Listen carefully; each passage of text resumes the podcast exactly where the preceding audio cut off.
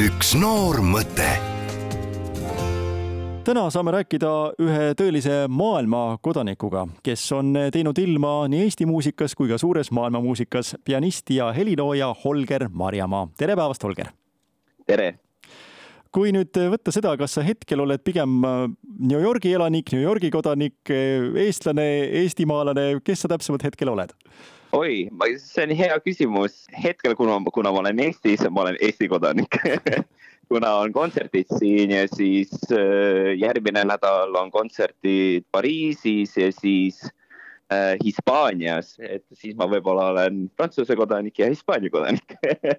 Aga loomulikult kodu on New Yorgis ja kodu on Eestis, Tallinnas sind just nimelt ju seostatakse palju New Yorgiga, aga on see selline kõige-kõigem koht, kuhu, kuhu tõepoolest sa tahtsid jõuda ja kuhu üks muusik võiks jõuda või on tegelikult selliseid kohti, mis on palju võimsamad, palju uhkemad, palju suuremad, aga nendest ei räägita nii palju?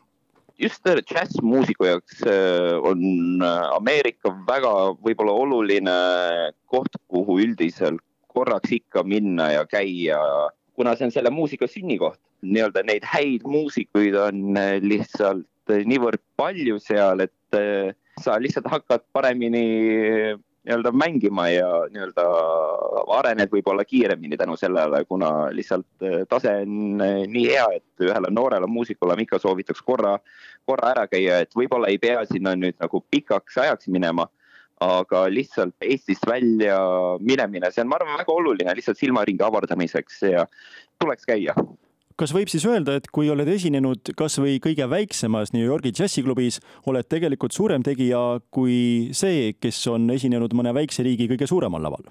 no seda on raske öelda, sest et sa võid ükskõik mis leveliga olla, kui sind Ameerikas ei teata, siis alguses sa pead tegema neid neljakümne dollari kontserte.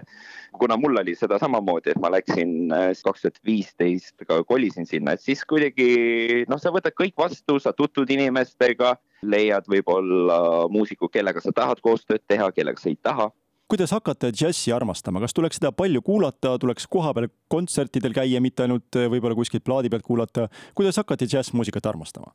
ma arvan, et kontsert on väga hea võimalus selleks, et eh, sellesse muusikasse armuda, kuna see energia on niivõrd vahetu kontsertsaalis või džässiklubis ma arvan, et see energia juba tegelikult tõmbab ja natukene lihtsalt uurida võib-olla lihtsalt sellest muusikast või sõpradelt-tuttavatelt küsida, kes võib-olla teavad sellest muusikast natukene rohkem, et mida, et mida kuulata, aga nii-öelda see mustade rütmika, et see kõik oleks selles džässmuusikus olemas, et see džäss on väga laiamõisteline sõna tänapäeval. Ja minu jaoks on džäss Ameerika mustade muusika aga ma soovitaks ja kuulata Miles Davis Kind of Blue näiteks, alustades Bill Evans Live at the Village Vanguard, Keith Jarrett Standards albumeid Live in Tokyo näiteks, Herbie Hancock loomulikult, üks album, mida ma kohe soovitaks kuulajatele on Possibilities, see on kaks tuhat alguses lindistatud me elame praegu ju sellisel ajal, kus noortel on tõepoolest kõik võimalused olemas, kõik uksed justkui on avatud.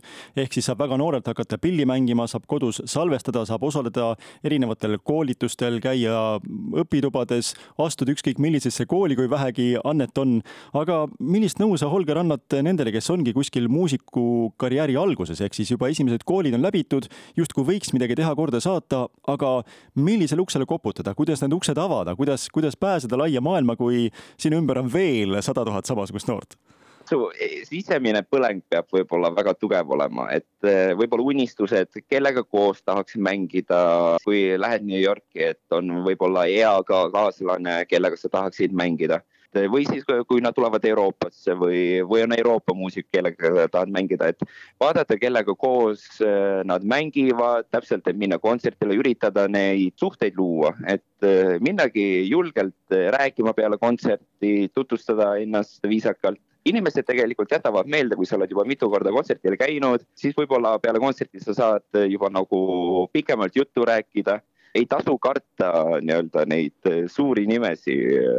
see on minu meelest hästi armas, mulle tohutult meeldib, kui inimesed tulevad ja kuidagi ütlevad, et neile läks eh, nii-öelda emotsionaalselt hinge see kontsert või mingi lugu selline asi juba loob eh, nii-öelda inimtasandil sihukese sideme ja siis võib-olla saabki rääkida ka nagu, et olen ka muusik, saad äkki anda mingi enda balaadi või USB mingisuguse enda muusikaga, et kui on võimalik, äkki saate kuulata või küsida emaili näiteks, et ühesõnaga järjepidevus on selline võtmesõna võib-olla, et, et mitte kohe alla anda oma unistustele, et järjepidevalt ikka tuletada meelde, et ma olen siin ja väga tahaks koostööd teha, et minu meelest need asjad siis juhtuvad aga milline on olnud eh, sinu enda elus kõige suurem tagasilöök, millest sa oled välja tulnud, kus sa oled tundnud, et sa oledki nii mustas augus, sa oled nii maatasa tehtud ja siit, kui justkui väljapääsu pole, aga ometi sa tõusid ja tulid sellest välja? Võib-olla oligi peale õpinguid äkki kaks tuhat kuusteist, kaks tuhat seitseteist aasta kuidagi olid väiksed perioodid, noh, olid niisugused raskused äh, isiklikus elus, mõtled üldse, mis see tulevik, et kas mul on ikkagi see äh, nii-öelda energia selleks kõigeks, kuna nii palju peab tegema. Ja siis äh, vaatadki kõrvalt, kuidas eakaaslased, sõbrad toimetavad. Hea energiaga ja see kuidagi paneb ennast kasvatama ja kasvama, kui sa näed, et sul on head inimesed ümber, head inspireerivad sõbrad, kes on suurepärased muusikud, kes on käivad sedasama rada, siis eh, nendelt sõpradelt õppida ja nii-öelda ma arvan, et see annab tuge. ma arvan, et see annab jõudu, et püsti tõusta ja edasi liikuda sa annad äh, väga selge toe ja jõu ka nendele noortele, kes tulevad sind kuulama ja nende õpetajatele ka, ehk siis sul on kohe-kohe tulemas Eestis kolm kontserti Tallinnas, Tartus ja Narvas ja õpetajatele ja õpilastele on pilet palju soodsam. sellise sammu oled sa teinud? absoluutselt, see oli kuidagi südameasi. Äh, minu meelest ükski kontsert ei tohiks jääda pileti hinna taha. loomulikult minu meelest ka nagu päris tasuta ei tasu anda, et siis võib-olla see väärtus kaob ära, aga minu meelest, et kui ongi sihuke väiksema summaga pilet, et ma tahaks, et kõik saaks äh, osa sellest energiast ja sellest muusikast. kes veel koos sinuga laval on? on Soome tipptrummar Jussi Lehtonen, kellega koos me oleme mänginud kaheksa-üheksa aastat, kes on minu trios olnud. Heiko Remm, fantastiline kontrabassist ja elektribassist, kellega põhimõtteliselt me kasvasime koos üles ja siis Ameerika imeline saksofonist Chad Lefkovitš Brown kellega koos me siis tuuritasime Chris Bodiga. mul on nii hea meel, et ma iga aasta olen üritanud tuua enda lähedasi ja inimesi, muusikuid, keda ma imetlen äh,, olen toonud Eestisse ja publik on kuidagi Eestis nii lahtine ja vastuvõtlik ja mul on nii hea meel selle üle ja ma tahan veel mainida, et ma ei ole aastaid esinenud äh, Tartus ega Narvas. ma väga ootan, et äh, jälle näha enda Tartu või Narva fänne ja sõpru, et kuidagi kodus tagasi olla, see on hästi eriline. ma kuidagi väga-väga ootan seda.